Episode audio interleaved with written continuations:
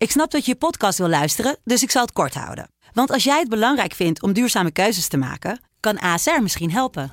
Nou hoor ik je denken, hoe dan? Nou, bijvoorbeeld bij het duurzaam herstellen van schade. Of de premies die we beleggen volgens ons duurzaam beleggingsbeleid. Dat bepaalt waar we wel en juist niet in investeren. Wil je meer weten over welke duurzame keuzes ASR maakt? Ga dan naar asr.nl slash duurzame keuzes. ASR doet het. Zo, dan kan je nu lekker naar je podcast luisteren.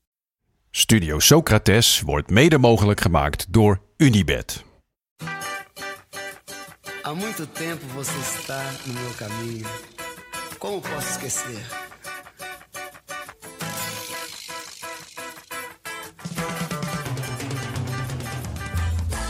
Welkom bij Studio Socrates, een podcast over alles wat voetbal mooi maakt. Met deze week alles over passing. A beleza é você, menina. Menina, no seu jeito de olhar. Sócrates tirou! Gol! Sócrates! Lindo gol de Sócrates! Menina, no seu modo de andar. Als ik lang niet gevoetbald heb, ga ik er van dagdromen. Dan droom ik van acties, schoten en scoren met mijn hoofd. Maar hetgeen wat het vaakst terugkomt, is de crosspaas. Zowel van het versturen als van het ontvangen. Wat dat betreft is de crosspaas het beste te vergelijken met een booty call. Leuk om te geven, leuk om te krijgen. Niks zo lekker als het gevoel van een bal die van je vree vertrekt en je gelijk voelt ja, die gaat precies doen wat ik wil. Of juist de spanning vlak voordat die crosspaas jouw kant op komt. Heeft hij me gezien? Gaat hij hem geven? En als hij hem geeft, waar komt hij dan? Het mooiste is natuurlijk over de verdediger heen en dan op de borst aannemen, waardoor je gelijk naar binnen kan snijden. Dat ik daar de snelheid niet voor had, is slechts een klein smetje op een glansrijk blazoen. Dat doet niks af aan de schoonheid van de paas. Alhoewel de meningen over de crosspaas binnen Studio Socrates verdeeld zijn. Toch boys? Ja. Zeker. ja. Jij vindt het weer niks hè? Nou, we gaan het er zo eh, uitgebreid over hebben. Maar ik ben eh, geen echte fan van de crosspaas. Nee. Vorige week hadden we het hier over afstandsschoten. Ja, Daar waren jullie toch ook al enigszins eh, van mening... Ja, wisselden jullie een beetje van mening? Jonne houdt heel erg van afstandsschoten. Daar heeft nog nooit op goal geschoten. ook niet van een meter, volgens mij. Nee, heb je al op goal geschoten dan? Nou, ik had zaterdag een, eh, een oefenpot Ja, gewonnen. lekker. En wij kregen op een gegeven moment een... eh, die afstandsschoten van jou. nee, nee, nee. Maar we kregen op een gegeven moment wel een vrije trap op randje 16 voor een linkspoot. Mhm. Ik ben Mm. links. Ik heb een- best een aardige trap, dus ik neem hem dan ook. Ja. Ah, toen was, moest ik dus toch van, soort van van afstand schieten. en eh, ik dacht, ik ga gewoon vol risico voor de winkelhaak. Gewoon echt alles of niets. Hoek van de keeper? Hoek van de keeper, ja, want Leuke keus. van, van zo dichtbij lag je echt op de Ja. rand van de 16 over de muur krijgen is lastig. Meens. Ehm, maar hij was net, eh, net ietsje te ver naar links, dus hij, Hey. hij ging er niet in. Zonde. En daar baalde ik wel een beetje van. Maar ja. het was niet dat, dat we, we hebben het hier eh, anderhalf uur bijna over afstandsschoten gehad vorige week. Het was niet dat er, dat er ergens achter in je hoofd opeens zat, zal ik schieten? Nou, eens proberen. ja, ik, ik, moet, ik moet gewoon mijn plichten pakken en hem nemen. Dat, dat is gewoon Ja, oké, maar meer gewoon tijdens de, Oh, tijdens de wedstrijd. Dat er niet opeens een klein Nee. ballonnetje achter in je hoofd je zo heel zacht mij en Jasper hoorde van... schieten. Schieten. Halen, halen. Nee. Ogen dicht. Ik hoorde wel weer die stem van die laatste man. Van, ah, schiet nou toch een keer. Maar nee, weer niet gedaan en eh, voelt goed. Nog steeds.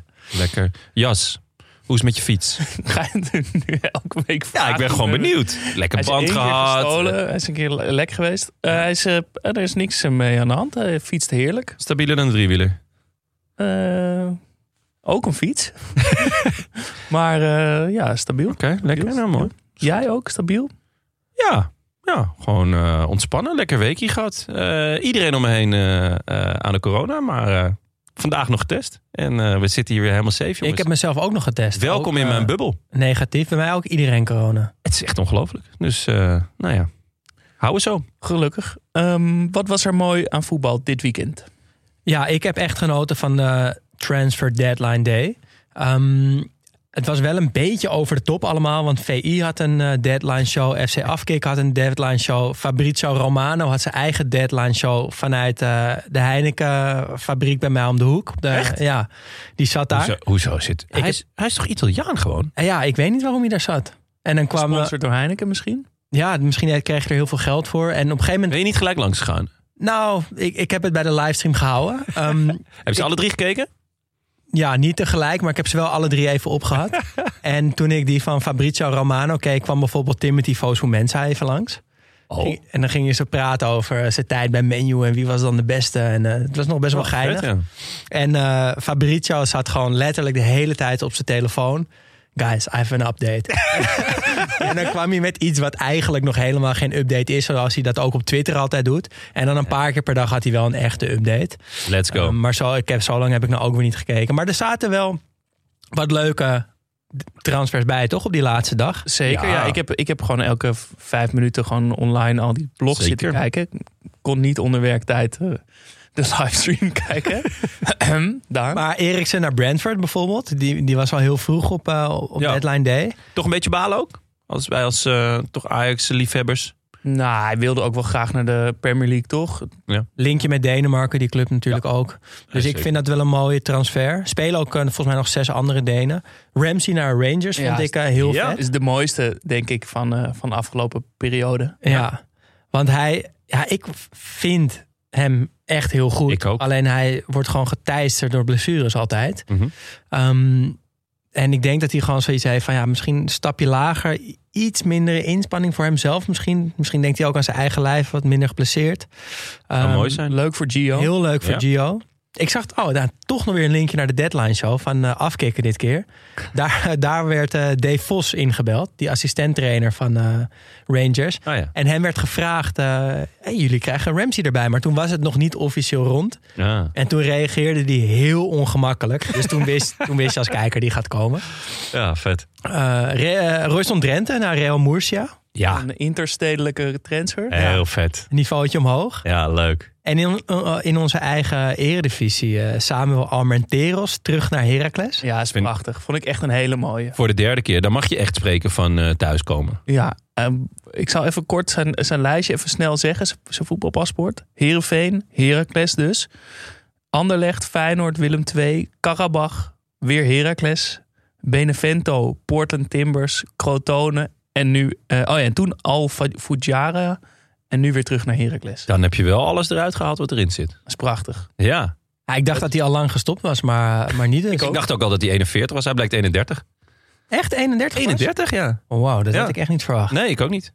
Wat ik eh, de mooiste transfers vond, was, eh, waren Pandev en Oosterwolde naar Parma.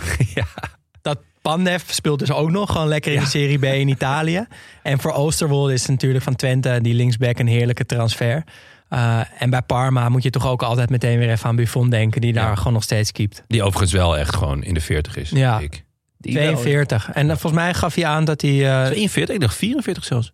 nou, Maar ik Hij- er vanaf zijn hoor. Ja, volgens mij heeft hij nu weer bijgetekend dat hij in ieder geval tot zijn 44. Oh, volgens mij ja, wil hij dan nog heb ik dat gelezen. Ja. ja. En eh, hij wil gewoon eh, de strijd aangaan voor, eh, voor het WK. Niet, niet, niet Ja. dit jaar, maar over vier jaar, dat heeft hij gezegd. Ja, zo. Ja. Heel. Eh, wat ik ook mooi vond was Sandler naar Feyenoord. Adam vind ik een goed passen. Adam Sandler. Ja, voor die nieuwe Sorry, docu die, daar gemaakt wordt. ja. nee, vind ik mooi voor Feyenoord en voor Sandler. Lijkt me dat een mooie, mooie transfer. ja. ja, en- altijd interessant eh, laatste man gevonden. Ja. Ja, gewoon eh, bij Peck vond ik hem echt wel opvallend. Ik vond dat hij naar Manchester City ging, ja, iets te hoog gegrepen. Maar ik vond het, hij was wel een. Hij kon in ieder geval goed voetballen. Ik weet niet of hij goed kan verdedigen. Mooie uitstraling inderdaad. en mooi rechtop, sierlijk. goede Ja. paas, waar we het natuurlijk straks uitgebreid over gaan hebben.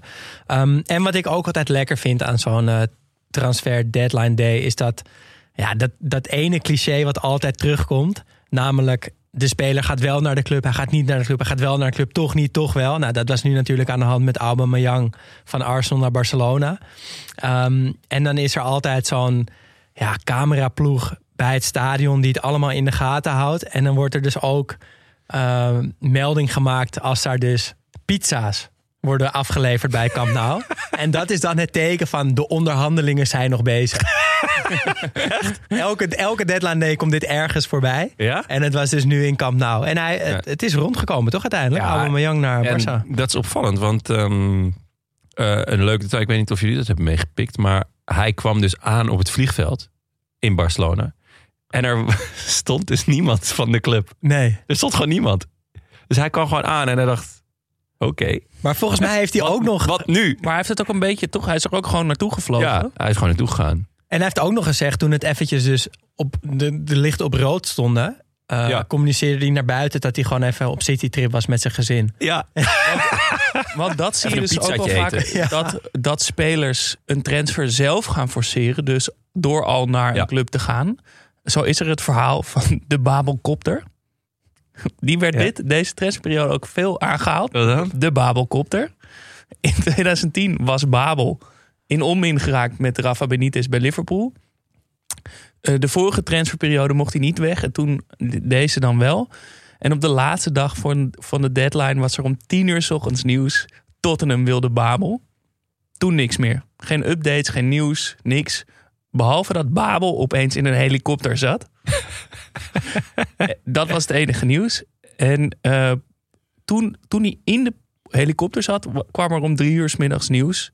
Tottenham, of, eh, dat Tottenham niet meer wilde. Hij zou op Anfield blijven.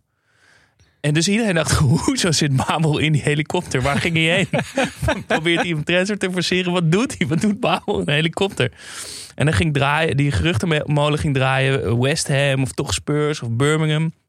En dan om half zes was Babel terug eh, bij Liverpool. En die helikopter is nooit ergens geland. Hij is gewoon opgestegen, hij heeft een paar rondjes gevlogen. Heel vet. En is weer geland. Al voor In geval dat hij ergens naartoe zou gaan. Niemand dat hij er weet- snel kon zijn. Of zo. Niemand weet het. Toch? nou, of gewoon een lekker dagje in een helikopter. Ook gewoon leuk, toch? Ook leuk. Ja, Ja. Misschien was het gewoon sightseeing. Ja. ja, heel leuk ook daar boven, boven Engeland. Ik wil nog even over Aubameyang. Want Arsenal is een, een club die mij aan het hart gaat. Tot een half jaar geleden was hij aanvoerder. Eh, gevaarlijkste speler. Beste man. Raarste kapsel. ja. ja, dat staat altijd garant voor, veel, ja, voor vele miljoenen eigenlijk. Hij is in onmin geraakt. Oké, dat kan. Hij was 100 miljoen waard of zoiets. Niet lang geleden was hij zoiets. Ja? waard, ja.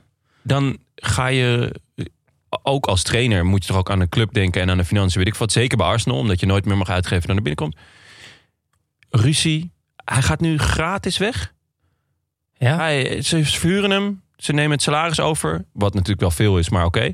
Maar ze verdienen er niks aan. Ik, ik vind het zo'n rare vorm van kapitaalvernietiging. Ja, ik denk dat Arteta gewoon eh, blij is met hoe het die paar weken is gegaan zonder Auba. ja, en Ja. dat hij echt letterlijk denkt, nou, het is eigenlijk wel rustig zo. We halen goede resultaten, dus eh, ja, laat maar gaan. Ja, Of misschien heeft hij het wel echt heel bond gemaakt. Dat kan natuurlijk ook nog. ja. Bonter dan zijn kapsel. nou, dat wordt lastig, maar als hij een beetje in de, in Ja. de buurt komt. Oké. Wat ik verder ook nog wel eigenlijk heel zielig vond, was Van de Beek naar Everton. Zo, en dat ja. letterlijk een uur later bekend werd dat Dele Alli ook naar Everton zou gaan. Ongelooflijk, ja. Alle twee nummer tiens. Uh, Ja. Lampert, ook nieuwe trainer trouwens, de, of de nieuwe trainer van Everton. Die gaat ze denk ik niet allebei opstellen. Ik kan het me niet voorstellen. Ik zie het niet hoe. Dan wordt het toch weer, weer, weer daar op de bank zitten voor Donny van der Beek. Terwijl Ja. hij, nog, hij zou naar Crystal Palace gaan. Werd op het laatste moment weggekaapt door Lampert. Ja, Ik zou echt woest zijn als ik hem was. heel vervelend voor hem. Zit niet mee. hebben jullie het... eh, Ook wel een rare transfer trouwens voor Dele Alli, toch? Die is, die is dan nu toch gewoon mislukt. Nou, als hij het daar goed doet. Ja, Ik- ja, van maar hij was, hij was toch, de, toch, toch de, de grote, de next big thing. Ja, nou, dat is hij nu echt niet meer. Nee. Nee, is gewoon... eh, ik vond het heel verrassend. Maar goed. En hebben jullie het, eh, het eh, filmpje van Burnley gezien voor Wout Weghorst? Ik heb het gezien. Wat vond je ervan? Ik vond het in zijn categorie van flauwe soort eh, parodieën. Ik vond ik het eigenlijk best wel een goeie. Ik heb het niet gezien. Zouden jullie mij, eh, zou die mij, mij kunnen verrijken? Nou, het is het, de klassieke scène van, van Jurassic Park met het glaasje water. Ah, lekker. Ja. Goed, goede scène. En eh, dat jongetje grijpt zijn grijpt ze, eh, verrekijker in die auto van, van Jurassic Park. En die kijkt en die ziet in de verte een soort grote dino Wout Weghorst scoren. En dan eh, doet hij die, die, dat ding af. En dan opeens staat Wout Weghorst heel groot voor hem. Die, die, die schreeuwt als een dino. dat is het. Klinkt wel goed ja, hoor. is het best wel goed. Ja, het Ja? werkte wel. Ja, het klopte wel. Lekker. Ja. Ik ga straks zo meteen even, even kijken. Leuk. Waar, eh, waar heb jij van genoten, eh, Jonne? Nou, ik, ik vond Ehm, ik vond opvallend, eh, nog even over, over de eh, transfers. Ik heb, ik heb nog ergens anders van genoten. Maar ik vond dat AZ die huurt Kamal Soa. Dat klinkt trouwens een stuk minder aantrekkelijk dan, dan je het schrijft. Je schrijft gewoon S-O-W-A-H. Hè? Laat ze het niet... eh, ja, Niet af. ze hebben geen herpes gekocht of gehuurd. Maar eh, hij was afgelopen zomer de duurste aankoop in de geschiedenis van Club Brugge. Ze hebben 9 miljoen voor hem betaald aan Leicester.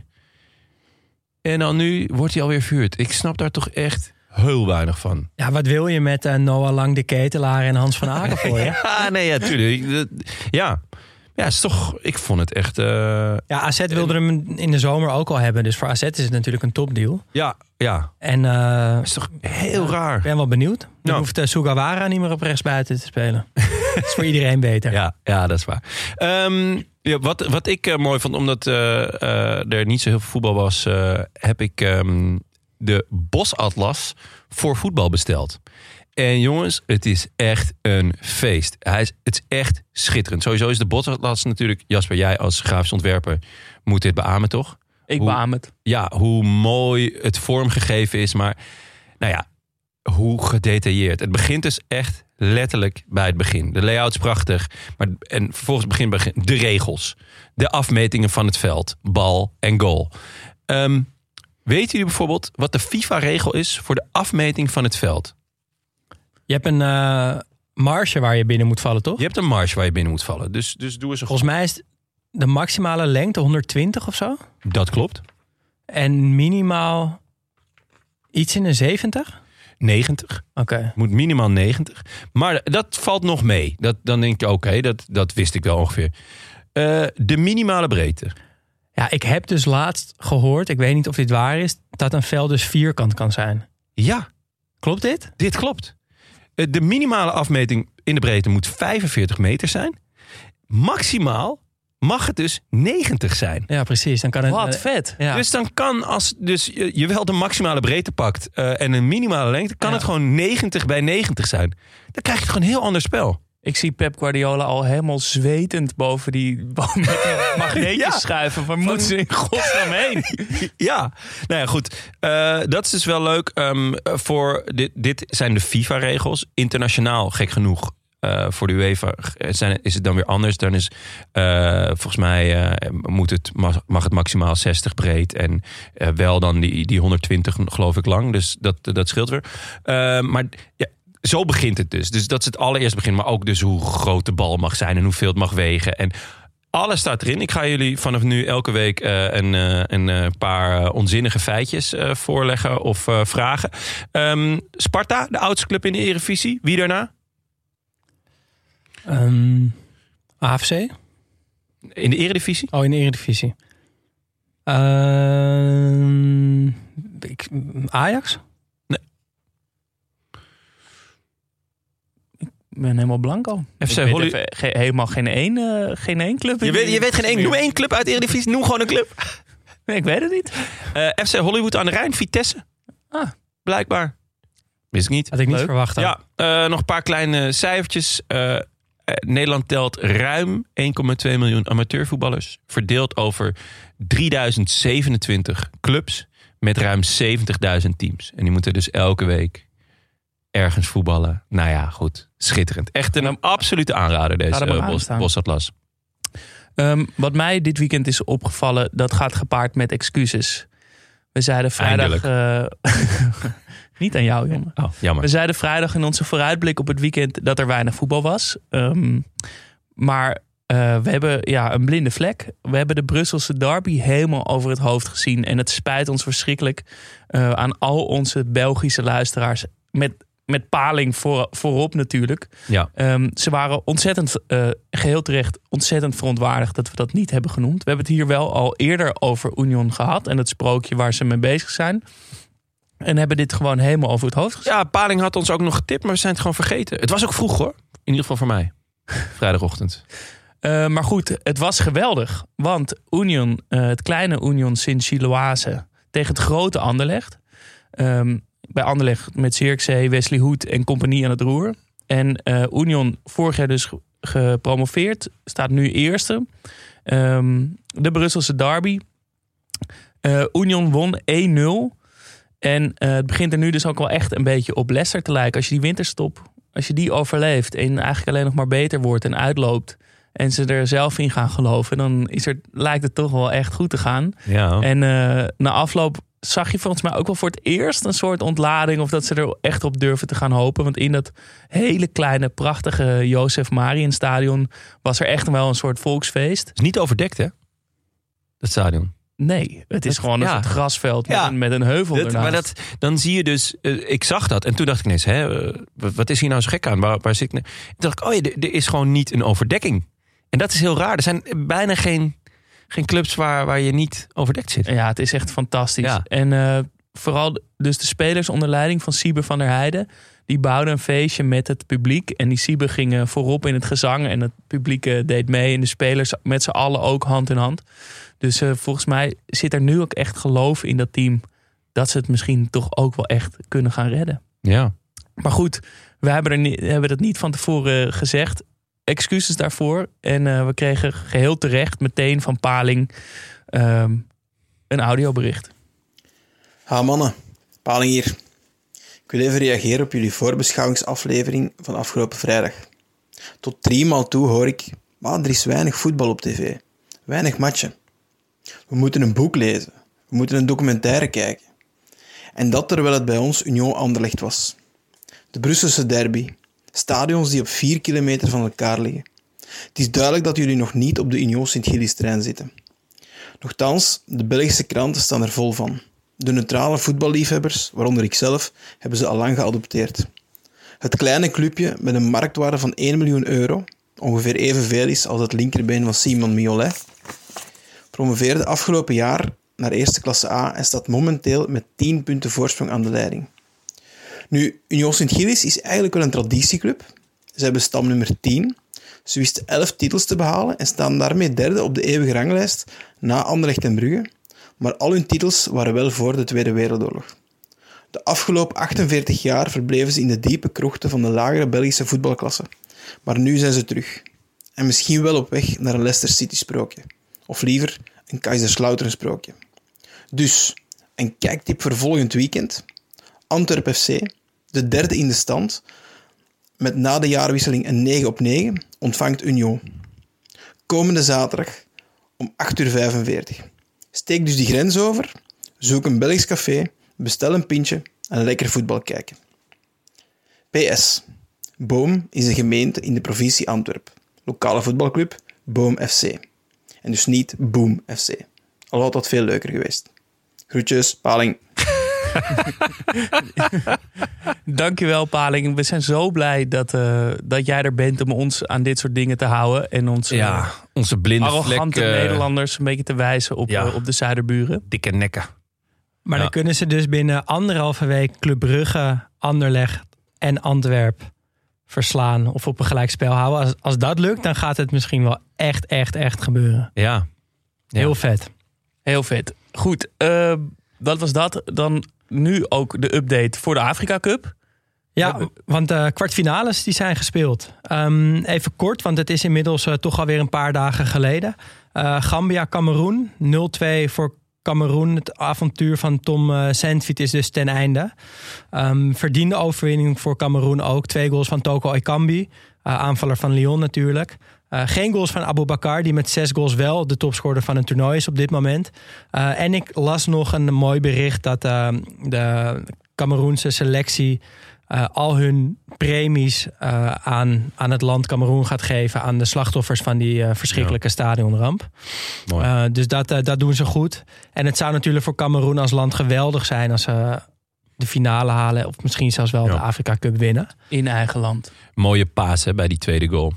Ja. Vanaf de zijkant, zo uh, schuin strak voorgegeven. Aangezien we toch over pasing hebben vandaag, dat was echt een schitterende bal. Burkina Faso, Tunesië. 1-0 voor Burkina Faso. En dat kon eigenlijk niet uitblijven, want Tunesië speelt ja, eigenlijk een heel slecht toernooi met één uitzondering, die 4-0 overwinning. Uh, maar toch dacht ik als Tunesië-volger, nou, Burkina Faso Zou kunnen. Goede loting. Moeten we eigenlijk van winnen. We, Eh, wel lekker dat jij gewoon maar in dat, de eh, modus met Tunesië Dat zit. lukte niet. Kasseri eh, miste nog een enorme kans op de 1-1. Eh Mechbri bleek weer eh, de hele wedstrijd Zat je ook met een. Vivicela voor de, voor de buis, of niet? Nou, dat is niks Tunesisch, toch? Nee. Nou, weet ik niet, maar dat, dat hoort bij de Afrika Cup. Nee, ja, oké. Nee, nee, nee. Nee, dat doen Tunesiërs doen dat niet. Nee, Wij Oh. doen dat niet. nee wij doen dat niet. Wij Tunesiërs.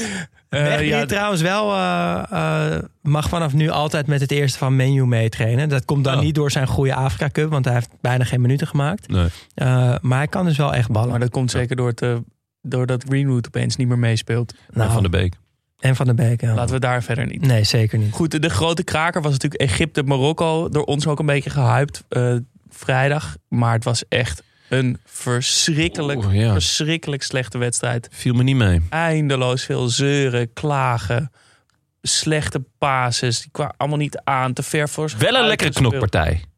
Ja, maar het was niet eens echt een knokpartij. Het was Ja, op een gegeven moment kwam die derde keeper erbij. Toen dacht ik wel, nu gaat het los. Want die heeft toch niks te verliezen. Maar alleen die scheidsrechter, die deed ook mee. Die Ja, die klap. Die gaf, en toen, toen zag je die gast ook. Die ging toen naar de, Ja. die ging naar de grond. Die maar die dacht zo, hè? doen. Maar dit was toch... dit- ja, nou, die ging een soort zwabben doen. Maar hij dacht, ja, wie gaat er dan rood krijgen? De scheids. Die scheids, die gaf gewoon een tik. ja, dat is goed. Maar goed, het was echt eh, ah, ja, slordig, rommelig, slecht. Iedereen wilde het volgens mij ook een beetje zelf gaan doen. Ja, Eh, Marokko 1-0 door een ja, makkelijk gegeven penalty. Egypte 1-1 door rebound van Salah. En in de verlenging, ja, een soort eindelijk drie passes achter elkaar die aankwamen. En een schijnbeweging van Salah. En het was meteen een goal. en die keeper. Ja, ik vond het. Ja, ik wilde het dus wel Ja. even hebben over Gabaski. Eigenlijk de tweede keeper van Egypte. De eerste was geblesseerd, dus hij mocht starten. En ehm, hij kreeg ook, net als de eerste keeper, een liesblessure. Maar wilde er absoluut niet vanaf. Sterker nog, was verontwaardigd dat hij na zijn derde blessurebehandeling door, de, door de medische staf gevraagd werd om het veld te verlaten. Toen schakelde ik net in. Toen dacht ik, hè, wat is hier nou weer gaande? Maar wat er nog meer opviel daaraan was dat ik de hele wedstrijd zat te kijken en dacht dat er ergens een vrouw in het, paniek, in, in het publiek in paniek aan het gillen was. Een soort hele hoge, schrille gil. Oké. Maar dat bleek Kabaski te zijn. Die sta, elke keer als hij beeld kwam met zijn hand zeg maar, naast zijn mond dat hij aan het schreeuwen was, hoorde je dat geluid. Het was echt een, een ijzige, enge, schrille, paniekerige gil. Misschien had hij wat oude beelden van, eh, van de SAR eh, geluisterd. Sunday, naar voren. Maar ook toen hij dus uiteindelijk met veel eh, misbaar van het veld was gegaan. Toen stond hij aan de zijlijn ook weer zo te gillen. nou, nooit eerder gehoord. Nee. Eh, dieptepunt trouwens nog kort de laatste vrije trap in de verlenging Ja. bij 2-1. Marokko mag nog één keer een totaal domme, vrij, heel makkelijk gegeven vrije trap naast het goal eh, nemen. Bounou mee naar voren. Iedereen staat klaar. En hij wordt teruggelegd. Ja, dat, is, dat, is, eh, dat is zoals Daan het graag ziet. In Blijven plaats van dat er wel iedereen, iedereen Blijven stond in het tikken. strafschopgebied. Ja, dit was echt... Dit was echt erg Ja, was echt, Jezus, ik... Ja. En trouwens, nog erger dat, dat ze daarna niet scoorden, Ja. Egypte. Voor een lege goal. Ja, die gingen met drie man op een lege goal af. Het was echt... Zo'n wedstrijd was. het. Ja, het was echt verschrikkelijk. De Ziyech vloeg, vloek. Ja, daar, eh, daar hadden de Marokkaanse media het naar, na afloop over en terecht. Ja. Ehm, want als je Ziyech en eh, in mindere mate Mazraoui thuis laat... Ja, dan moet je eigenlijk gewoon minstens de finale halen. Of, of je moet als bondscoach eh, eruit worden gegooid. Ja. En dat vinden ze in Marokko nu ook. Dus hopelijk eh, gaat dat gebeuren. Ja. Laatste halve finale Senegal tegen Equatoriaal Guinea. Eh, Senegal groeit verder in het toernooi 3-1 gewonnen. Wel voor het eerst een, een tegengoal voor Senegal. Eh Mané kon ook gewoon spelen. Er was eerst sprake van dat hij dat niet zou kunnen doen. Omdat hij eh, nou, kop tegen kop een wedstrijd eerder met een, eh, met een tegenstander. Maar dat kon gewoon wel. Goal voor Ismaël Sarr ook. Goede speler van Watford. En ja, de kans op een finale tussen Mané en Salah wordt steeds groter. Ja. Dat zou ik wel mooi vinden. ja, dat is wel mooi. Ehm, en Senegal, ja, iets minder saai dan voorheen. Uh, maar ik zie, ja, nog steeds denk ik uh, dat, dat die gaan winnen. Oerdegelijk. Ja, dus dan hebben we de halve finales op woensdag Burkina Faso tegen Senegal. Op donderdag Cameroen tegen Egypte. Yes. Dat was de Afrika Cup. Dan de Klaboe-speler van de week. Klaboe ontwerpt en verkoopt sportkleding. En met de opbrengst daarvan worden sportclubs in vluchtelingenkampen gestart. En hun slagzin is de Unbeatable Spirit. En wij kiezen elke week een speler die aan die spirit voldoet. En dat is deze week, en daar zijn we heel blij mee, Ja, Roberto Carlos. Ja. Mag Robert- hem wat mij betreft elke week hoor. Ja, Roberto Carlos is inmiddels 48. En voor het goede doel bood hij zichzelf aan op eBay. Eh, mensen konden dan een loodje kopen voor, van eh, Roberto Carlos. En de winnaar van eh, die loterij zou voor één wedstrijd Roberto Carlos in zijn team krijgen. Hoezo wisten wij dit niet? Dan hadden we toch een kaartje gekocht. Ja, 100%. Maar het, degene die het hebben gewonnen is ook mooi. Want dat werd Boel in the Barn United. een, pubteam, een pubteam uit Shrewsbury en District Sunday Football League. Een amateurcompetitie in de krochten van het Engelse voetbal. Oh, wat goed. Met elf totaal verbijsterde Britse pubgangers... die straks opeens met, daar op het veld staan met Roberto Carlos. Oh, wat goed. Ehm, Roberto Carlos doneert trouwens het, al het eh, geld van, eh, wat hij met die veiling heeft opgehaald aan Football Beyond Borders. Een organisatie die het mogelijk maakt dat kansarme jongeren naar school kunnen. En eh, hen ook daarbij helpt om die opleiding af te maken. Zo, ik laatst stuurde een van jullie een foto door waar hij op stond. Roberto Carlos. Volgens mij samen met de echte Ronaldo. Oh ja, van eh, een aantal jaar terug. Ja, en die kuiten, ouwe. Ja. Maar die heeft hij is dus gewoon- nog steeds. Ja, nog steeds. Dat is gewoon groter dan mijn romp. en die is na kerst niet mis. Nee, het echt... maar denk je dat hij eh, gewoon netjes linksback gaat staan? Of dat hij gewoon Ja, nummer 10, dat hoop eh, ik wel. Ja. Dat hij gewoon de hele tijd langs die lijn. Maar ik denk dat hij En dan woedend paar worden dat hij hem niet krijgt. Ja. Ik denk ook dat hij een keer van afstand gaat schieten. Ja. Ah, zeker. Maar in dit geval mag het van mij. Ja? Ja, Wauw. Ja. Wat een, wat een geste. Niet normaal. Ja. Oké, boys. Ons centrale thema: passing. Waarom, eh, waarom eh, dit, dit thema? We hebben een beetje een, een drieluik gehad. We hebben het over de dribbel, het afstandsschot en dan nu de passing gehad. Een soort grote drie elementen van het, van het voetbal. Maar waarom maakt passing dan het voetbal mooi? Ja. Ehm, nou ja, de- ik denk, denk de vorige twee eh, elementen eh, zijn denk ik wat individueler geweest. Eh, van hoe een, een, wedstrijd opengebroken kan worden. En eh, ik denk dat dit juist meer iets is wat, wat voetbal een teamsport maakt. Dus, het, ja, dus dat je als één geheel beweegt. Ehm, ja, dat, dat, dat maakt het, het contrast met die vorige twee afleveringen denk ik interessant. Ja, je hebt elkaar er natuurlijk veel meer voor nodig. En wat ik er zo mooi aan vind, is dat voetbal is een spel van ruimtes. En met een paas sp- speel je dat spel eigenlijk. Ehm, je opent er nieuwe vlakken op het veld mee. Eh, en ja, ik vind het bijna een soort van schaken. Go- Goede pases geven. Een paas is een schaakset. En met een goede paas of een goede schaakset kun je een elftal uiteenrijden of, of schaakmat zetten. En weet je, het wordt een beetje eh, bijna een denksport. En dat vind ik ook het mooie aan een paas. Is een paas die zit in je hoofd. Daar is over nagedacht. En het, het heeft met, met denkvermogen te maken. En je hoeft er niet snel voor te zijn of vaardig of krachtig. Je hoeft er niet technisch voor te zijn. Je moet natuurlijk wel een bepaalde kwaliteit hebben om een bal goed te kunnen raken. Ehm, maar het komt uit je hoofd. En dat vind ik er zo vet aan. En een echt goede paas, vind ik, is ook onverwachts. Dus die ziet de massa of je teamgenoot of de tegenstanders, die zien die niet aankomen. En dat is bij een actie toch ook vaak anders. Die, die wordt ingeleid door een, nou, een kleine dribbel of een eerste kleine schijnbeweging. En een paas kan echt helemaal uit het niets komen. En een doorbraak forceren waarvan niemand wist dat die er was. En dat zijn misschien ook wel de mooiste passes, toch? Die je niet ziet aankomen. Ja, dat je denkt, waar gaat die bal heen? Ja. En hoe kan het dat, dat er opeens acht man staan te kijken... wat gebeurt hier en dat de spits één op één kan lopen? Ik Ja, vind dat zoiets moois. ja. ja helemaal mee eens. Jas? Ehm, ja, ik ben, ja, het is de, de basis, toch? De essentie. Ja. Eh, dat een team als één man kan spelen, inderdaad, dat is, dat is mooi. Dat, dat het opeens dat er een soort ver- verbinding is tussen die elf spelers. Maar het, Ja. kan, het kan het natuurlijk ook oerzaai maken. Want we- Absoluut. we weten het, het Frank de Boer voetbal nog natuurlijk. Nou, dat was Dat echt ook- gestoeld op passing. Ja, dat was echt gestoeld op passing, maar was oer saai. Als je dat eh, eh, tegenover Guardiola eh, eh, zet, wat ook passing voetbal is, eh, ja, dat is spannend. En, en, en dan ben je nieuwsgierig van, goh, wat, wat gaat er nu gebeuren? Ehm, terwijl bij, die, ja, bij de boer had je toch meer het idee van, oké, het, is, het is echt in slaap zussen en op zoek eh, naar dat ene goaltje. Ik vind ehm, vet aan, aan is dat eh, het, nou ja, het team in zijn geheel in beweging komt. Dus het is niet van oké, hij gaat nu iets doen. Nee, we, we doen nu eh, met z'n allen gaan we iets doen. En daar kan je dus op trainen. Het is denkwerk, het vergt discipline. Nou ja, dat, dat zijn best ja, strakke begrippen of zo. Maar ondertussen vergt het dus ook heel veel creativiteit en inventiviteit en speelsheid. Eh, maar dan op een gezamenlijk niveau. En dat maakt het dus in mijn ogen eh, nog vetter dan een mooi schot of een vette dribbel. Omdat je dus met z'n allen die creativiteit en die inventiviteit en die speelsheid combineert met training, denkwerk en discipline. Dat vind ik, als dat lukt, ja, dat is zoiets. Dan ben je zo'n soort symbiotisch geheel. Ja, de- en het, het lukt heel vaak ook niet.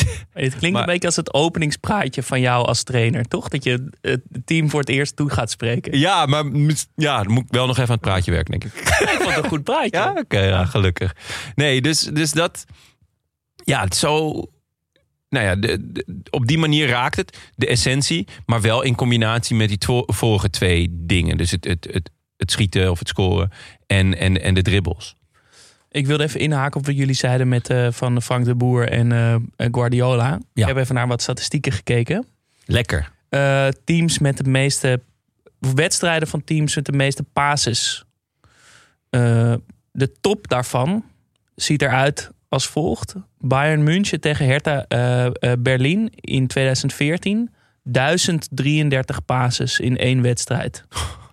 Eh, Maar in totaal? Of, In dus totaal van, de hele wedstrijd van Bayern.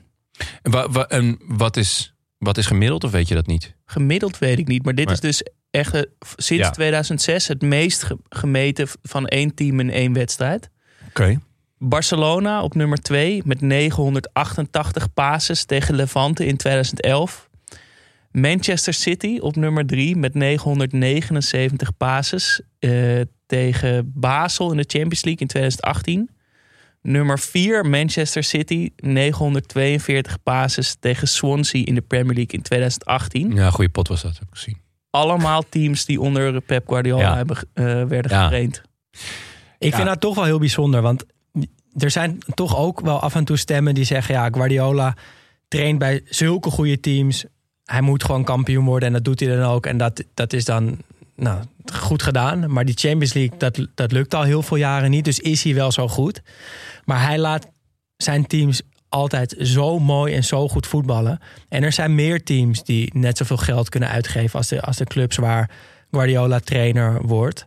Ja. En dat ziet er vaak stuk voor stuk niet uit. En bij Guardiola weet je wel, daar gaat echt oogstrelend mooi gevoetbald worden. Klopt. En, en daar kan je nog over twisten. Want hè, dat kan ook een kwestie van smaak zijn. Maar wat ik heel vet vind is dat stel je maakt de shirts.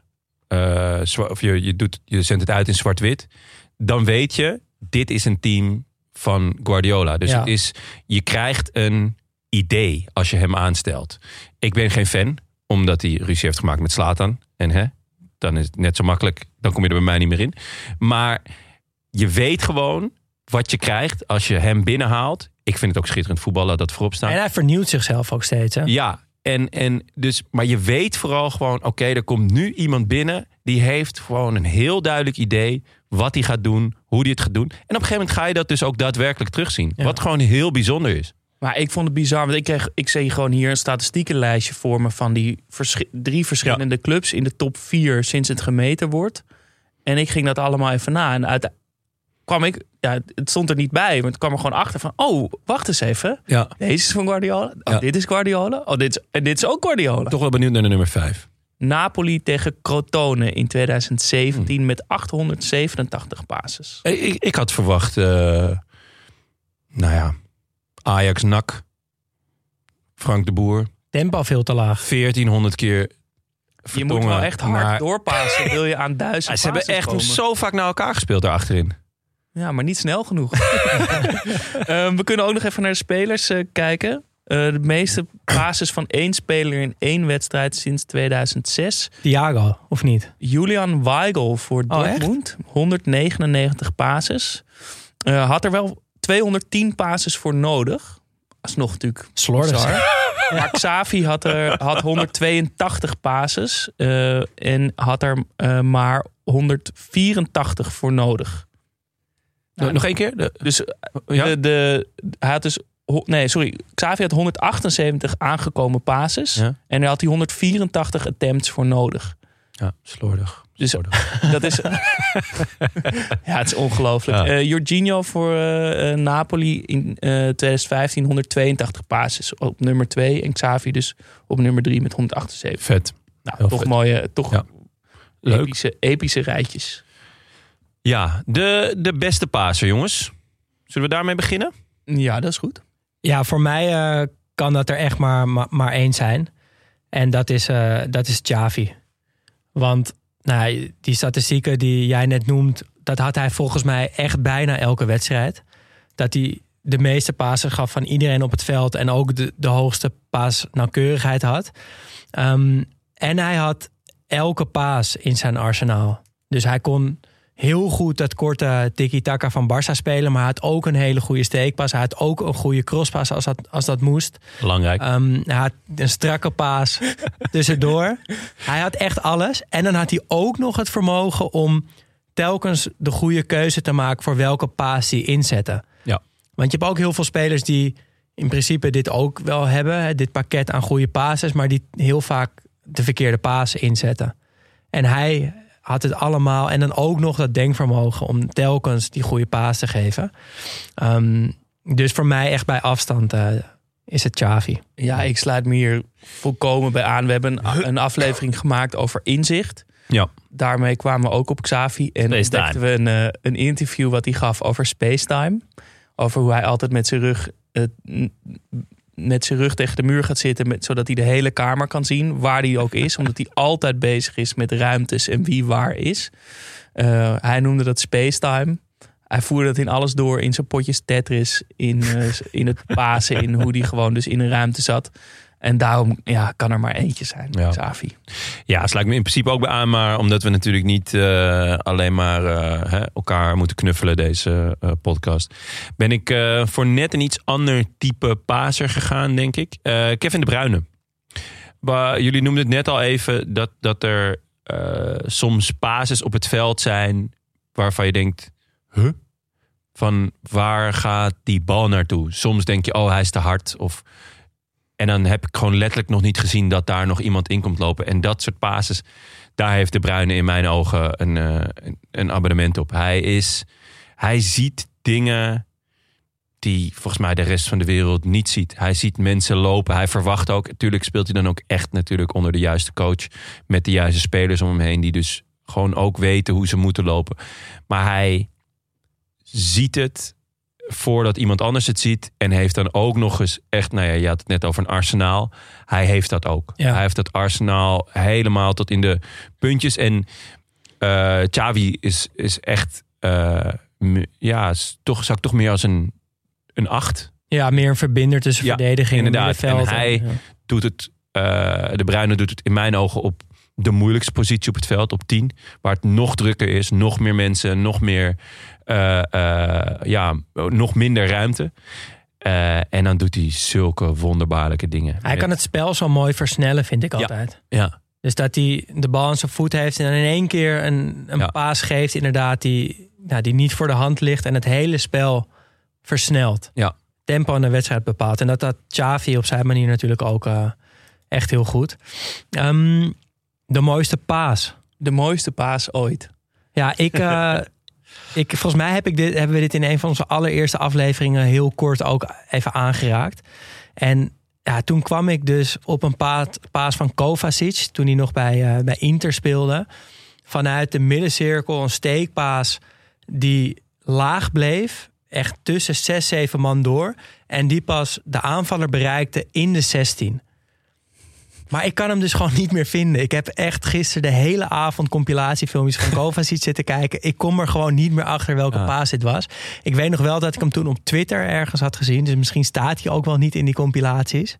Ehm, maar ja, misschien dat een luisteraar denkt... ja, dit was deze paas in 2014 tegen Roma. Ja. Ehm, maar je kan je voorstellen dat een paas die over de grond zo'n lange afstand aflegt... een heel team eigenlijk blootlegt... en dan pas in de 16 door een aanvaller wordt aangenomen.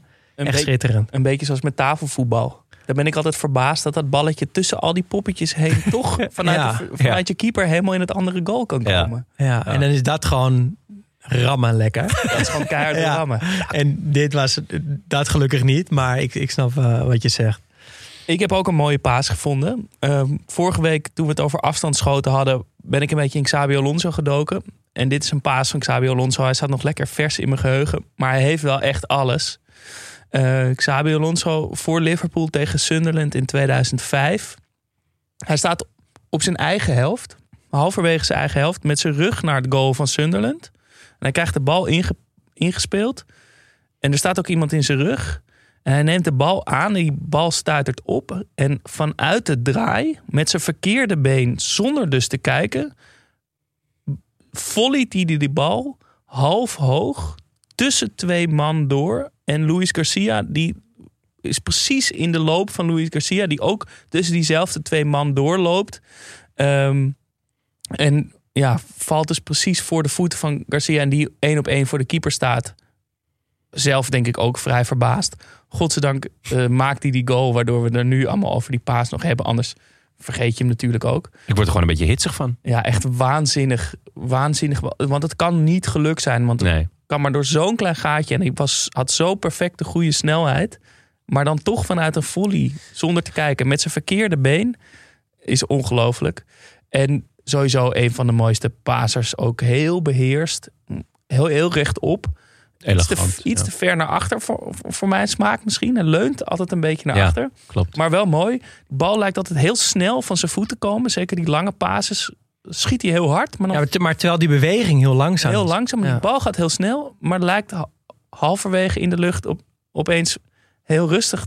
Eh, en als een soort veertje naar beneden te dwarrelen. precies op de stropdas van de ontvanger. Mooi. En altijd ook precies net over de verdediger heen. Ja, dat is Echt Heel, door een heel klein eh, gaatje. heerlijk. En daardoor heeft hij, wat, wat de Bruin ook heeft, doordat die range van pasen zo groot is, lijkt dat veld ook zo klein opeens. Alles lijkt zo bereikbaar.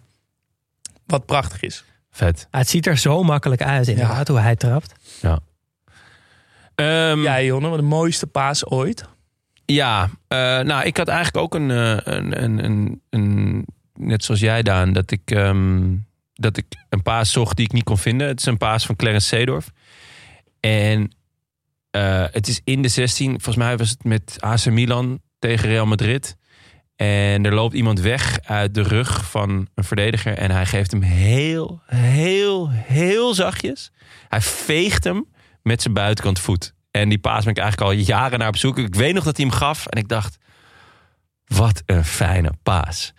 Maar ik kan hem dus nergens meer vinden. Was het een, een steekpaasje, een lopje? Of Een, eh, nee, echt. eh, hij, ehm, hij staat al in de 16. Met, voor, een beetje schuin voor iemand. met Schuin voor de goal.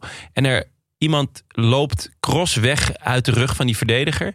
En daar, moet hij hem dus, daar wil hij hem dus hebben. En hij veegt hem met zijn buitenkant voet heel zachtjes ja, om die verdediger heen, zeg maar. En die, eh, waardoor ook de, de aanvaller, dus zijn teamgenoot, alleen voor de keeper kwam te staan. Volgens mij schoot hij hem tegen de keeper aan. Dus ik vrees ook dat hij nou ja, in, in schoonheid eh, is gestorven.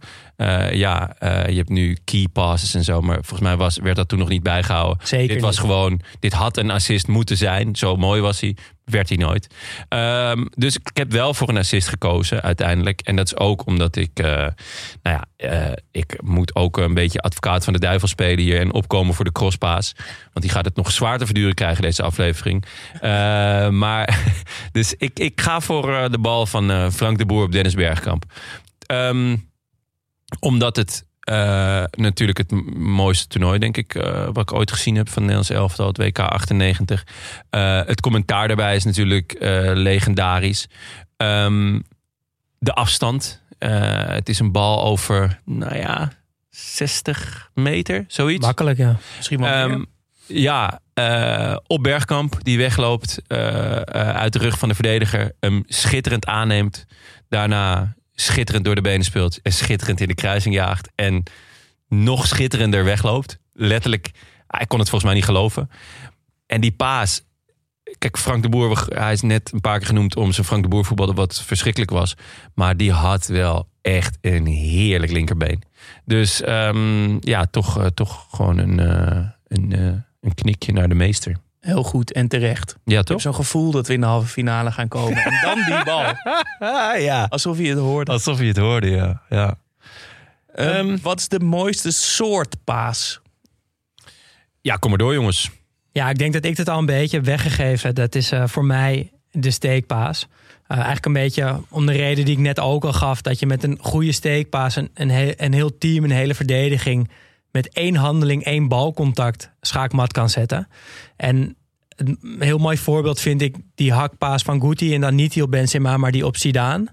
Dus dat een verdediging, volgens mij... ik weet de tegenstander even niet meer... maar die staan bijna op één lijn op de 16 meter. Er valt een bal uit en Guti hakt hem daar helemaal tussendoor. En in één keer staat Zidane vrij voor de keeper.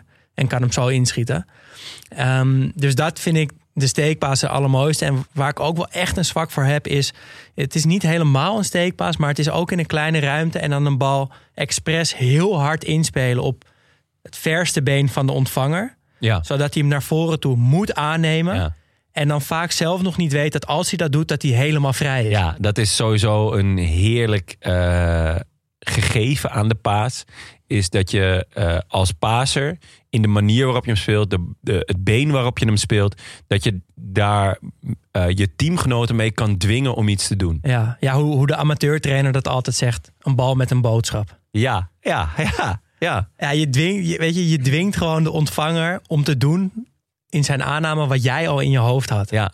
Dus jij bepaalt eigenlijk de handeling van de ontvanger. En dat vind ik, eh, vind ik echt een mooi gegeven. Ja. Heerlijk. Dan speel je niet alleen de, zet je niet alleen de, de tegenstander schaakmat, maar je, je zet eigenlijk ook nog eens je, je teamgenoot Ja, schaakmat. want die, Ja. Denkt, die denkt misschien wel, wa- waarom speel je zo hard die bal naar mij? Dan neemt hij hem aan en dan ziet hij al die ruimte en denkt hij, oh ja, Ja. dankjewel. Ja, klopt. Nou, het is leuk, want ehm, mijn mooiste soort paas... Ik, ik zal niet de crosspaas, eh daar gaan we het zo meteen nog wel over hebben... maar en deze paas denk ik ook wel. Maar iemand die dus echt altijd een boodschap doet in zijn passing... is Daley Blind. Ik las een interview met hem hierover. En eh, dit is ook een paas die de laatste paar jaar... in ieder geval bij mij eh, echt opvalt. De bal van achteruit tussen de linies door. Op een gegeven moment was er een, een statistiek... en toen bleek Blind daar ook huizenhoog per wedstrijd. Dat hij echt, volgens mij de nummer twee was Bonucci. ehm, met hoeveel ballen hij brengt van achteruit op het, de laatste 30 meter van het veld. Dus dat je echt linies overslaat. Eh, daarmee ook, dus ging op een gegeven moment eh, bij de BBC hebben ze wel eens laten zien hoeveel mensen eruit worden gespeeld met e- één bepaalde paas. Eh, nou ja, als je één iemand voorbij dribbelt, is het al Hosanna. Twee is helemaal mooi. Hier werden soms met één paas werden vier, vijf, zes, zeven, acht man weggespeeld. Ehm, dus eh, de, de, de paas van achteruit, hij doet het nu, doet Blind het voornamelijk vanaf linksback, maar dat kan ook, eh, eh, of beter eigenlijk vanuit de centrale positie. Met één paas zorgen dat er een heel veld open ligt. Van achteruit. We kregen over dat type paas ook een, een inzending van een, van een luisteraar. Die ik heel vet vond. Want we weten natuurlijk dat een centrale verdediger die bal goed kan geven. Blind kan het heel goed. Senesi en Boskakli trouwens in de Eredivisie kunnen dat leuk. ook We heel hebben goed. drie eh, echt eh, in, de, in de top drie, drie Ja. linkspoten die dat alle drie echt best wel goed beheersen. Maar wie dat misschien nog wel beter beheerst dan iedereen... en Lamar stuurde dat in op, eh, op Instagram... is Ederson van Man City. Ja. Die keeper. Ja. En die heeft een beetje wat Xabi Alonso ook heeft... dat hij dus heel makkelijk trapt. Dus dat hij, nou ja, een bal over 40 meter lijkt te geven... en dan, dan is het opeens 80 meter in de loop van Sterling. Maar hij heeft dus ook dat als er op hem wordt, wordt druk gezet... dat hij hem gewoon strak door het midden durft te Ja. geven. Ja. En dat Gaat ook nog wel eens mis. Jawel, het, ga- het- gaat wel eens mis. Maar- Alleen de manier waarop hij dat doet vind ik echt heel indrukwekkend. Want een keeper geeft hem bijna altijd lang of naar de bek. En hij durft hem gewoon pam op je verdedigende middenvelder hard strak in te spelen. Ehm, dus ja, groot fan ook eh, van die paas. En dan hebben we, ja, de steekpaas hebben we denk ik behandeld. Dus dan gaan we even door naar de volgende. Ja, ik wou kort nog mijn favoriete eh, paas. Oh Ja, ik vond het ook onmogelijke vraag. Wat is je favoriete soort paas? Maar Ja. ook natuurlijk een steekbal. Maar ik hou ervan als de speler en de bal door hetzelfde gaatje heen gaan. Dus vaak is toch eens een, een steekpaas. Gaat de bal tussen twee verdedigers door. Ja. En komt de aanvaller van een andere kant aan. Ja. Maar ik vind het mooier als de aanvaller en de paas door, tussen dezelfde twee verdedigers door Ah. weg worden gestuurd. Dat heeft al, ik weet niet, ik vind dat een Ja, dus dan is er- soort bal. heel weinig ruimte eigenlijk. Ja, ook. nog minder Ja. ruimte en Beetje- nog meer in iemands loop. Ah ja. Ja. Vet. Dan Ik onderschep je elkaar niet op ja. één, op één Ja, ja, punt. ja. Maar dan Ja. eh, loopt die bal eigenlijk een beetje gelijk met je op. Vet. Ja. Goeie. Vraagt Ja, veel, eh, vraagt veel voor, de, voor de ontvanger, voor de aanname. Ja. Die moet dan echt heel goed zijn. Ja, die bal van Xabi Alonso doet dat dus ook. Ja. Ja. Maar goed, Eh, de steekpaas, die hebben we gehad. de verschillende soorten pases. Steekpaas hebben we gehad. Ja, dus, dus de, oh, nou, een variantje op de steekpas, maar voor mij toch niet echt. Die hoge steekbal achter de verdediging. Ja, kan je het Ehm, een steekbal noemen? Nou, ja. Ja. Het is gewoon hem achter de verdediging. dus misschien kan je dit inderdaad wel geen steekpas noemen, want hij gaat inderdaad niet door twee of drie of meerdere spelers heen. Hij gaat Het er, wordt niet gestoken. nee, hij gaat er overheen. Ehm, ik moet dan bij deze bal altijd heel erg denken aan, aan Pirlo en Jorginho, want die Pirlo had dat echt heel erg, maar Jorginho zie ik dat ook vaak doen. Die zo'n dwarse bal het middenveld in krijgen van een back. En hem dan met een ja, gesloten lichaam eigenlijk over hun eigen heup Ja. zo curlen ja. over ja, ja, de ja. verdediging. En dan komt er vaak ja, schuine spits aangelopen die één op één kan lopen. Ja. Ehm, dat vind ik wel echt een, een hele mooie variant van deze paas. Ik Ja. moet wel aan eh, Van Dijk denken. Aan die, toch die gewoon zo achter de verdediging precies ploft. Op die, eh, bijvoorbeeld op, Op, die een van die snelle... Ja, Salah heeft zo ooit een goal. Volgens mij ook tegen City was dat. Dat hij zo die bal van Van Dijk ontving. Nog wel een man moest opzoeken uiteindelijk. En hem zo binnenschoot. Ja, grappig hoe Van Dijk eh, vanuit toch eh, de linker centrale Ja, verdedigingspositie... zowel links als rechts eh, klopt ja. aanvallende gevaarlijke crossballen kan geven. Ja, is dat echt zie je heel niet knap. vaak. Nee. Vooral die van links centraal naar rechts buiten. Ja, ja. Een soort van hele rare trap. Maar die, Beetje die beheerst hij. Buitenkant vreef, denk ik. Ja, Goed, dan gaan we dan nu ook echt over de crosspaas. ja daar gaan we, hebben. Wie, gaat er, wie steekt er van wal? De messen zijn geslepen. Ik sla mijn bierflesje kapot. Nou, Daan heeft al een klein beetje zijn, zijn ongenoegen geuit. Misschien moet je dat eerst nog een beetje verder eh Ja, moet ik Wat dat die wonden. En dan kan eh, Jonne daarop reageren. Ja. Ik voel me net een debatleider. Nou, ik vind het... eh, ja, dat doet hij wel goed. ja, eigenlijk. zeker ja. Jongens, even centraal. Waarom vind je dus de steek? Kan je een paar knoopjes open doen? En even wat chicks gaan palen op de gang? dat, dat laat ze wel. Ja, de crosspaas. Nou, ik vind het echt eh, de meest overschatte paas uit het voetbal. En dat komt door een paar redenen. De verticale winst die op het veld boekt, is vaak echt verrassend klein. Als je kijkt hoe vaak een crosspaas wordt gegeven vanuit een centrale verdediger of een verdedigende middenveldpositie naar een buitenspeler die eigenlijk maar een meter of 25, 30 verticaal verder op het vel- veld staat, dat is echt heel vaak. Dus die winst die je op het veld boekt richting de goal van de tegenstander, is klein.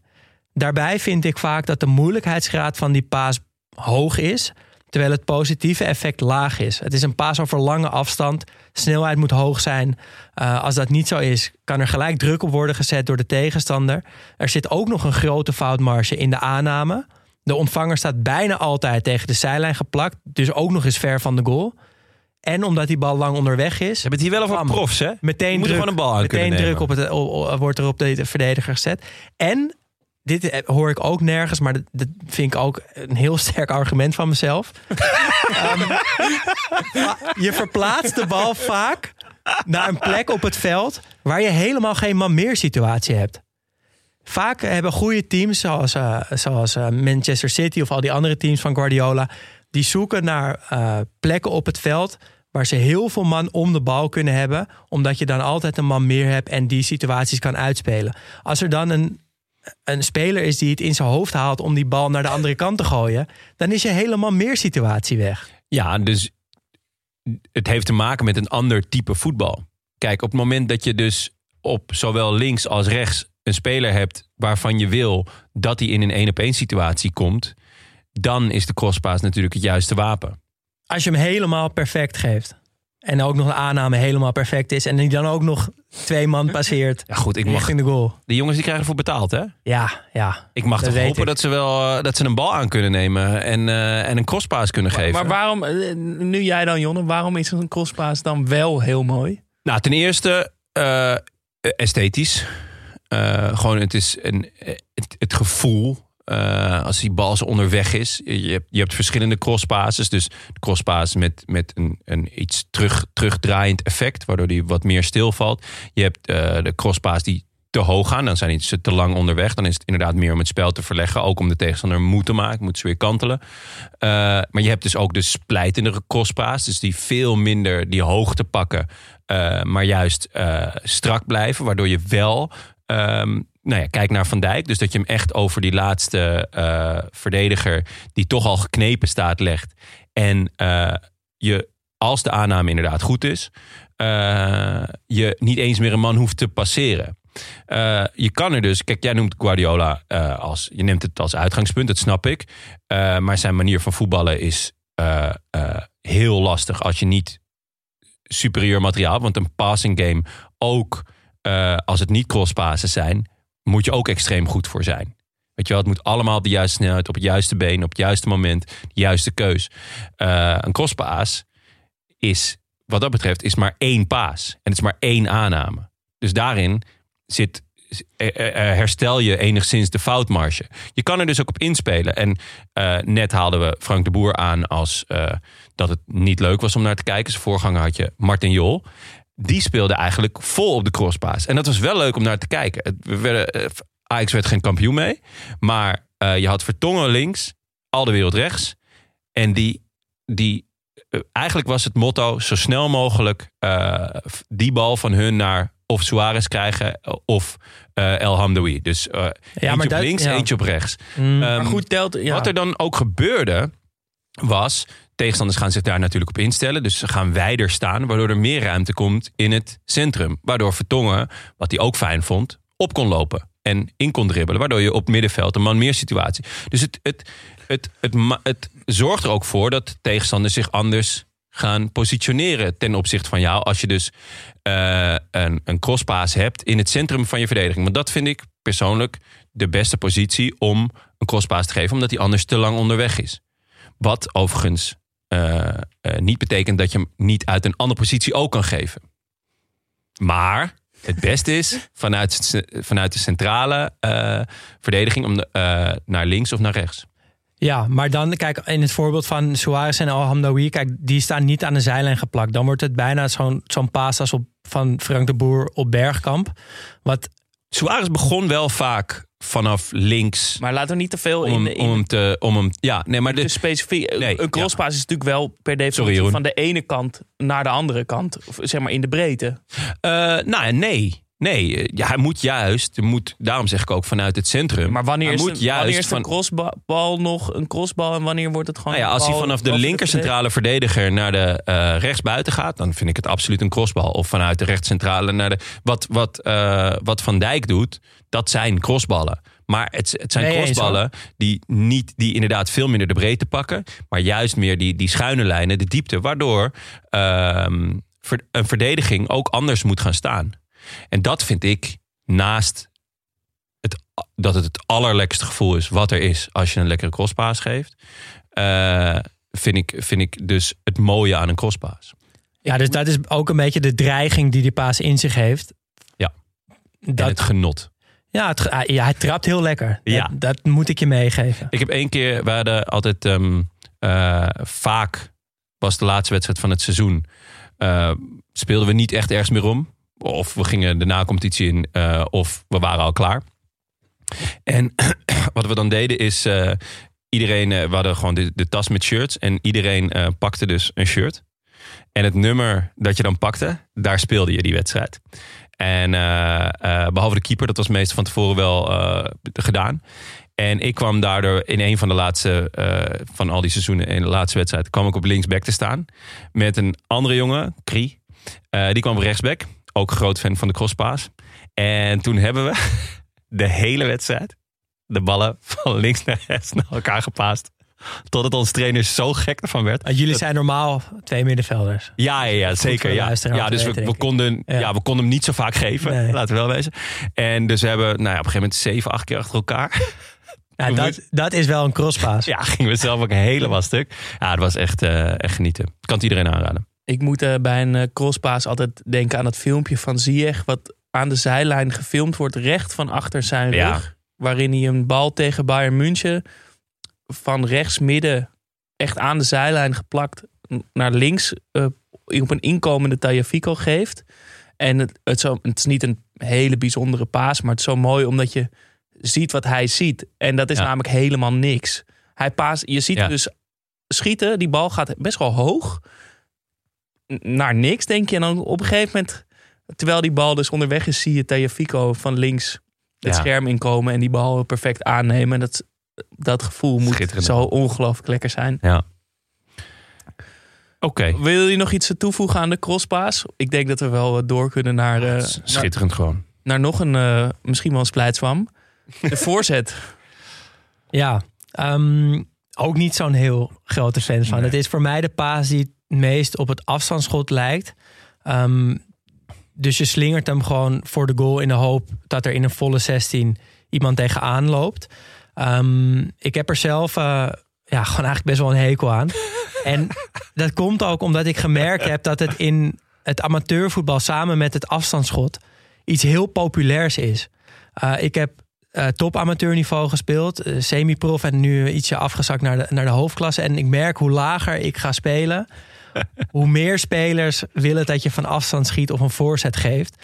En ik denk omdat dat gewoon heel, ja, heel zichtbaar is of zo. Het is een heel direct resultaat van je gooit die bal in de pot en we kijken wel wat er gebeurt. Misschien eh, Misschien loopt er iemand tegenaan. ja, dat Ja. idee een beetje.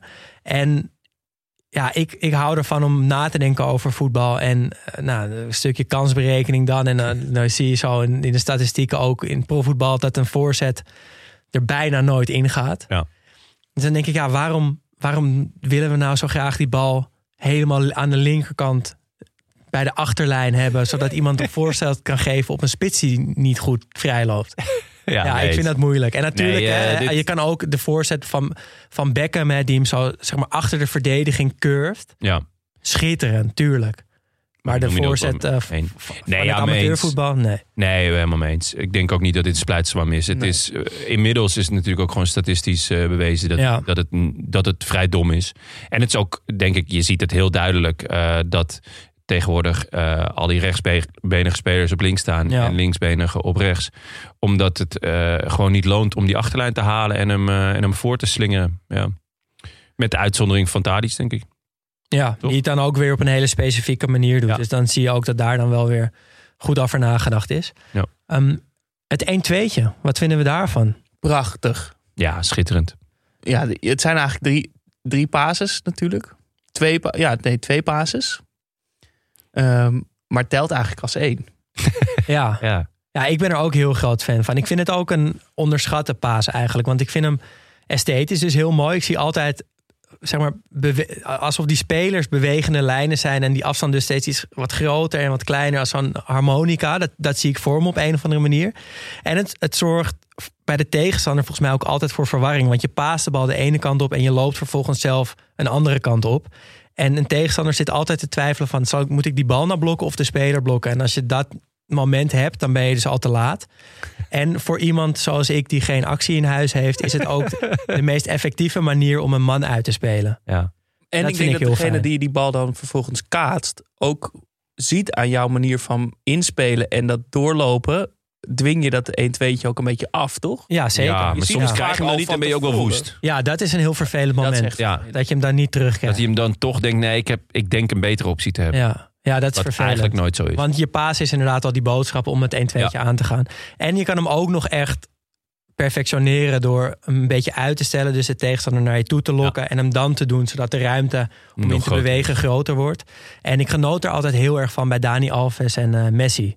Ja. Die deden dat zo goed. En die hadden ook dat Messi Dani Alves dan inspeelde. En dat hij deed alsof hij doorliep en dan toch inhield. En dat die Ja. verdedigers van over zijn schouders steeds zat te kijken, waar is hij nou? en dan nog een, weet je, dan nog een keer en dan een keer echt doorlopen. Ja. Echt mooi. Ehm, kregen we ook trouwens nog een eh, inzending wel van voor mijn tijd. Misschien dat jij het nog bewust hebt meegemaakt, Jonne. Wim Jonk en Dennis Bergkamp, die connectie. Nee, net niet Nee? eigenlijk. Ja, nog wel bij het Nederlands elftal. Dus WK 94. Maar ja, toen wist ik zelf nog maar net wat een eh 1-2'tje Ja. was. Ja, Erik Berends eh, stuurde die in. En eh, ik vind dat ook wel iets heel romantisch hebben. Dat, dat twee spelers op het veld een soort van connectie hebben in passing. Ja. Dus dat de een, de aangever en de loper. En Ja, dat, dat een Dat soort je gewoon van, al gelijk weet van, oh ja, die gaat... die gaat op zoek Ja, naar Heel schitterend. Eh een van mijn favorieten jongens, de paas met buitenkant voet. Eh, kan natuurlijk een beetje een zwaktebod zijn. Want hè, als je gewoon een goede linker hebt, hoef je je buitenkant rechts niet te gebruiken. Maar En daarom ook zo mooi juist. Maar daarom is het ook wel heel mooi. Ja, het is gewoon een soort van je, om van je zwakte je kracht te maken. En eh, ja, esthetisch wordt, het er, ja, wordt het wel mooier, vind ik. Toch? Zeker, ja. dat Als je het met buitenkant voet functie, doet. Ja, omdat je dan misschien met een beetje zwakkere been niet, eh, niet zo goed bent. Maar om die bal goed in de baan van, eh, in de loop van je, van, je, van je medespeler te krijgen, heeft het ook wel degelijk een functie. En is het niet alleen maar uitsloverij. Modric, Modric hoek ik wel meteen aan denken. Ja. Ja. Willem En- van Hanegem. de kromme. Ja. Gewoon zijn, ja, die heeft zijn, eh, zijn bijnaam daarvan gemaakt zelfs. En Unufar, die nu bij Ajax doorkomt, die, die heeft ook een hele mooie buitenkant voet. Ja, Charisma Caresma heeft gewoon een mooie buitenkant voet. Ja. Ja. niet op per se met Pasen. Het is gewoon volgens mij alleen nee, met gewoon voeten. alles. Mooie bolling Volgens mij op doet de voet. Hij doet eh, boodschappen ook met buitenkant voet. Dan, En, eh, ja, nog, en mag ik nog één ding erover zeggen? Wat ik ook vet aan vind, is dat je hebt ook gewoon een beetje scheid aan alles, toch? Want je vertrouwt zo op dat ene been. Dat je gewoon denkt, ja, de binnenkant, de buitenkant. Dit is gewoon mijn voet. Die andere gebruik ik alleen om te lopen. Jullie zoeken het verder maar uit. Ja. Vind ik ook mooi eraan. zeker. Dan eh, het tikkie terug. Ja, ik eh, ben hier zelf eh, niet zo'n fan van. Omdat ik, ja, ik moet meteen denken aan die verdedigende middenvelder. Die niet zo heel erg goed kan voetballen. Maar wel de bal in de ploeg houdt met een tikkie terug. Zit jij nu aan Martin de Roon te denken? Ja, nou ja, bijvoorbeeld. Ik ook. Ja, toch? Da- daar denk ik dan heel erg aan. En dan, Oh, wat is hij leuk op social media. oh jeetje. Ja. hij doet het niet zelf. Hij, hij doet en die grapjes niet zelf en hij tikt elke bal terug. Jezus. Nee, ik vind het. eh, ik heb daar weinig mee. Dus eh, ja. Ja, het, ik heb er, ben er even ingedoken. En het is dus niet helemaal waar wat je zegt, eh, Daan. Ik had niet gedacht dat ik ooit jou hierin ging verbeteren. Maar als ben ik benieuwd zeg waar je dat, nu mee komt. dat één van deze twee teams de meeste passes naar achteren had... en de één van deze twee teams het meeste passes naar voren had... in de Premier League en de Championship vorig seizoen... Manchester City en Barnsley. Welke had je denk ik heeft meer naar achter... of had de- de meeste terugspeelpases... en welk team had de meeste passes naar voren, denk je? Ja, dat zal dan wel net andersom zijn als wat je in eerste instantie denkt. Ja, klopt. Manchester City had van elk team in de Premier League en Champions League gecombineerd het hoogste percentage ballen die terug werden gespeeld, namelijk 41,6 procent Ja, maar ik, van alle passes die Ja. dus teruggaan. En Ik denk wel dat ik had dus het hoogste aantal Ja, omdat hij, met hun, naar voren van al die teams. omdat hij met hun reet in de 16 staat natuurlijk, de hele wedstrijd. Maar het komt eh, doordat Pep speelt met het up, back en through principe. Ja. Dus de bal terugspelen geeft ruimte. Want je moet als verdediging gaan kiezen. Blijf je compact staan, terwijl die bal dus eigenlijk van je afgaat? Of zet je juist druk naar voren, achter die bal aan? Of blijf je wel achterin compact staan en laat je je spitsen naar voren wel druk zetten? Geeft hoe dan ook ruimte. En dat is dus de ruimte die Pep dan weer bespeelt. En da- dus om een beetje ze uit de tent te lokken en dan juist weer naar voren te gaan. Ehm, dat is heel effectief. Arsenal, ja, eigenlijk wel. Ja. Eh, En dus ook met een hele goed voetballende Ederson bijvoorbeeld op goal. Die, daar, die dat heel makkelijk kan.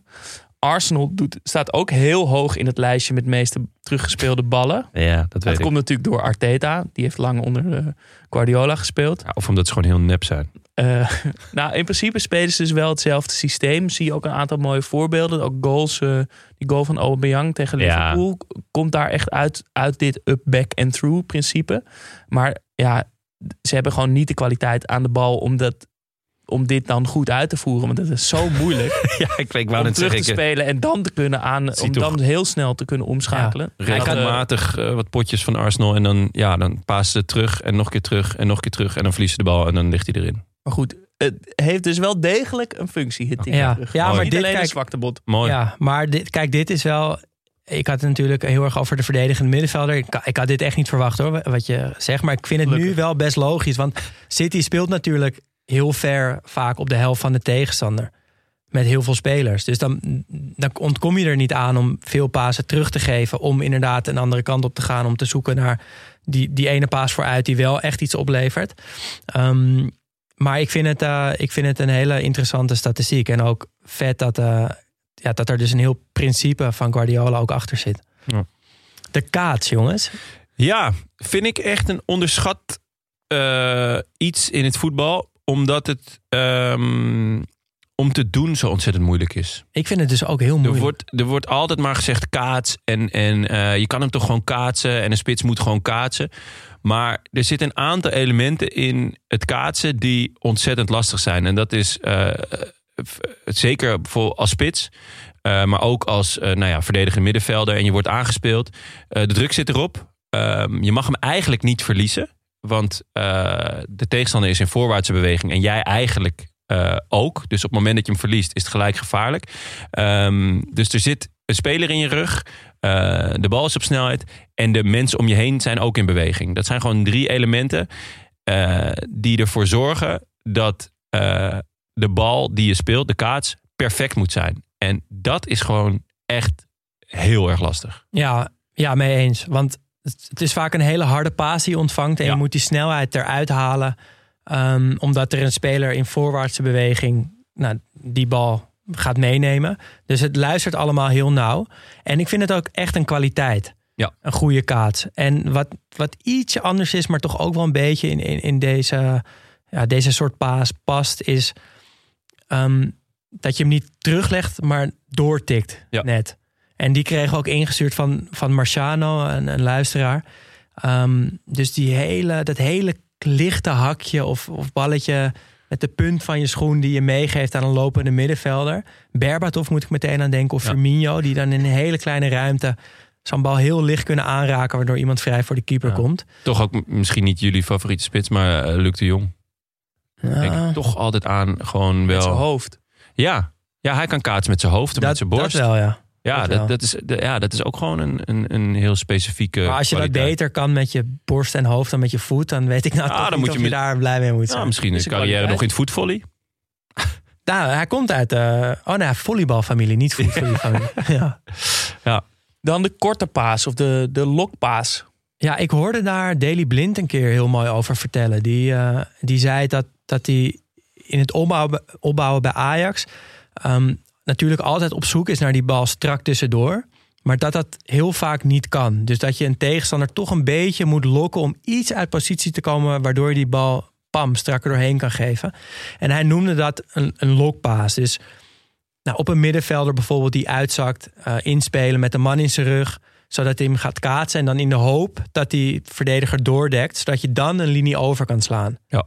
En dat soort van ja, kat-en-muis principe vind ik heel mooi, want er zijn dus teams die daar naar op zoek gaan. Dus die steeds iets meer risico in die opbouw leggen tot het moment dat een tegenstander zoiets heeft van ja, wacht eens even. nu gaan we hem, of die bal veroveren ook. Hier en niet verder. Ja, en dan herkent het hele team, herkent, oké, dit is het moment dat wij gaan toeslaan.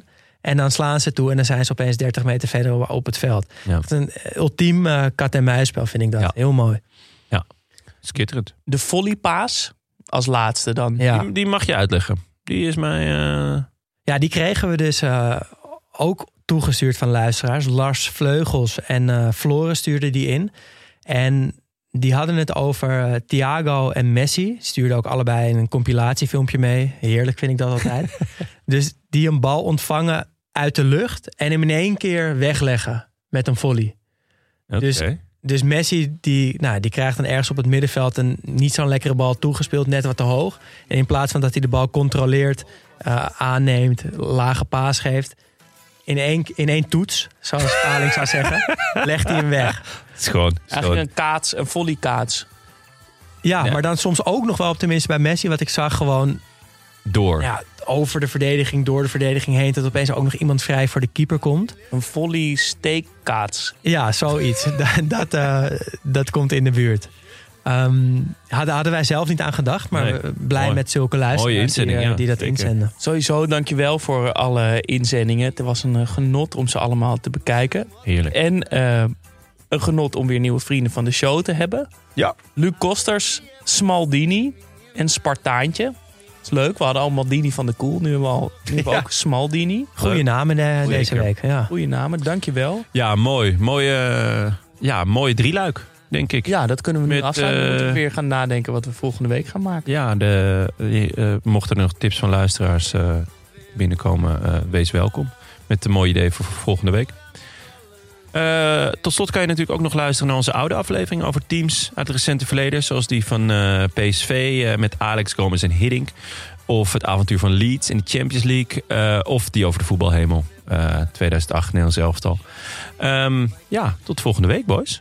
Tot vrijdag. Oh, tot vrijdag alweer. Ja, je bent er nog Goh, steeds ja, aan gewend. nee. Ik heb het ook nog steeds elke week. Hoor. Nee, ja, Ja. klopt. Vrijdag blikken we weer kort vooruit op het eh, weekend en al het moois wat er dan eh, te zien is. Gaan we beter doen dan vorige week. Hè? Paling, nog een keer sorry Ja. dat we niet eh, Ja. de Belgische Brusselse derby getipt hebben. Diep door het stof.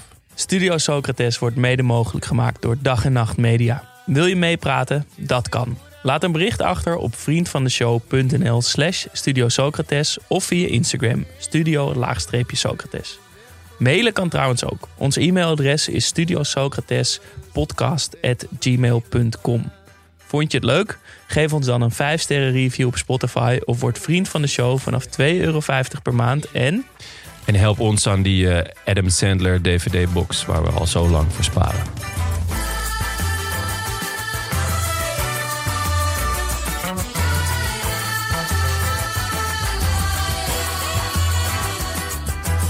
Beleza é você, menina,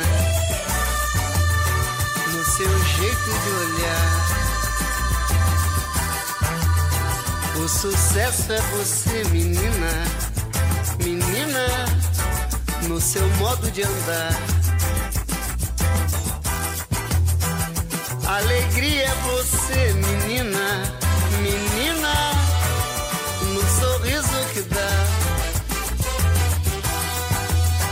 Vendaval por amor, menina, menina, todos querem te amar.